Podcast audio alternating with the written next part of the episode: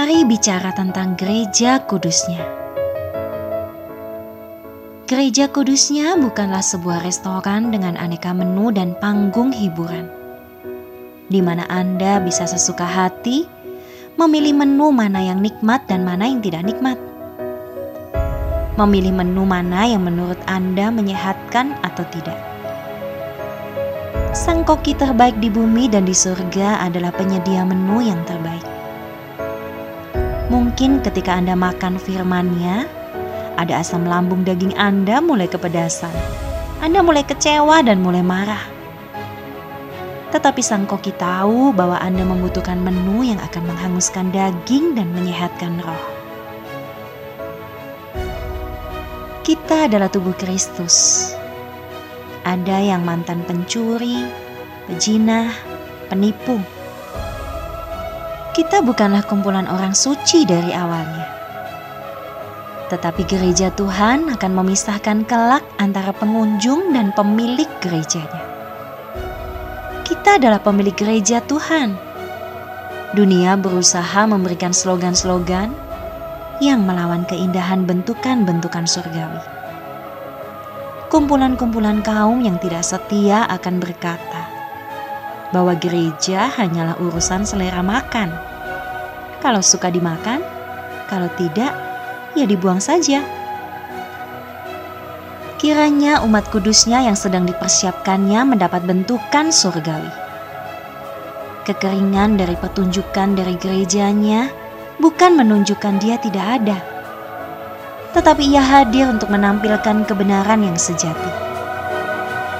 Gereja yang hidup bukan dari penampil-penampil surgawi gereja yang hidup bukan dari gerombolan penggembira yang sesekali memeriahkan panggung gereja dan merasa sudah melakukan perbuatan hebat di matanya. Gereja bukanlah sebuah hotel untuk merasakan kenyamanan yang disebut sebagai hadiratnya.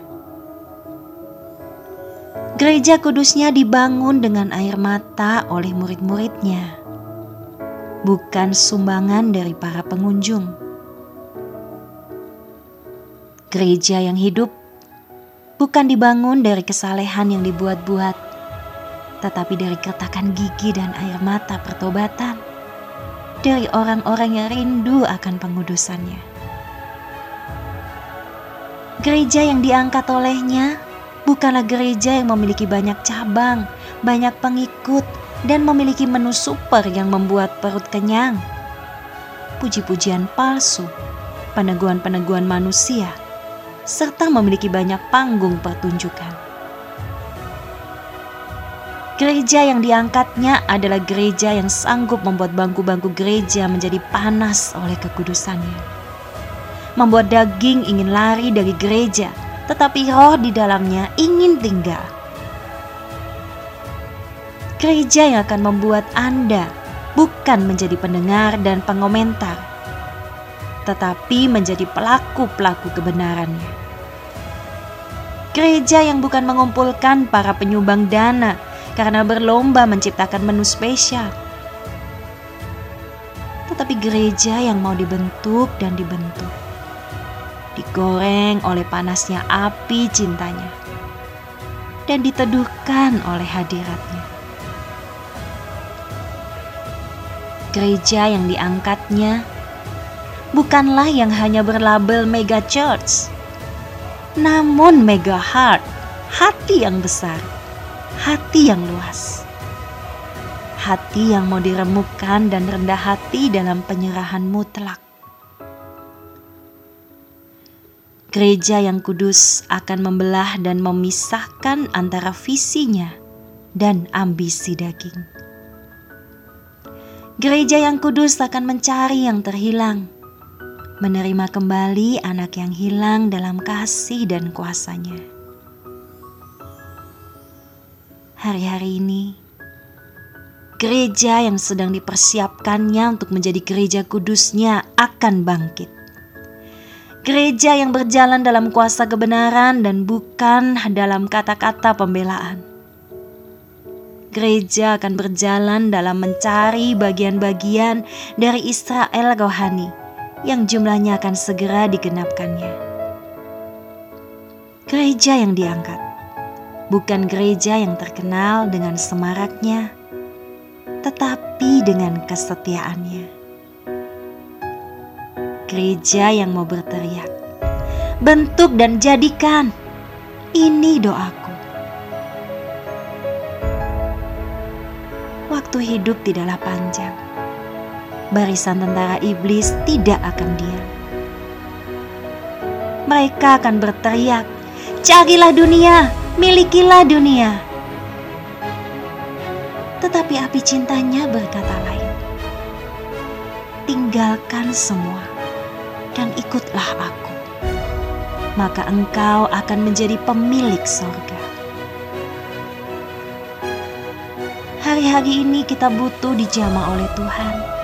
Kita butuh dipulihkan. Kita butuh dibakar sekali lagi. Agar cawan-cawan hati ini menyala dalam kekudusannya. Yudas-Yudas dalam gereja akan selalu ada. Tetapi Paulus-Paulus, Petrus, Yohanes-Yohanes dan seluruh muridnya yang lain akan tetap banyak dan tetap bermunculan pada waktu perkenanannya. Doa bukanlah doa jika doa belum menyentuh hatinya. Kuasa bukanlah kuasa sebelum kuasa itu bekerja. Hai pasukan Bapa, kesampingkanlah semua urusan-urusan pribadimu beban, ambisi yang begitu merintangimu untuk masuk di dalam masa-masa perkenanannya. Marilah kita menjadi kuat dalam perkenan Tuhan, bukan pembelaan diri kita. Kuat dalam kuasanya, bukan dalam kedagingan. Biarlah gereja menjadi gereja kudusnya.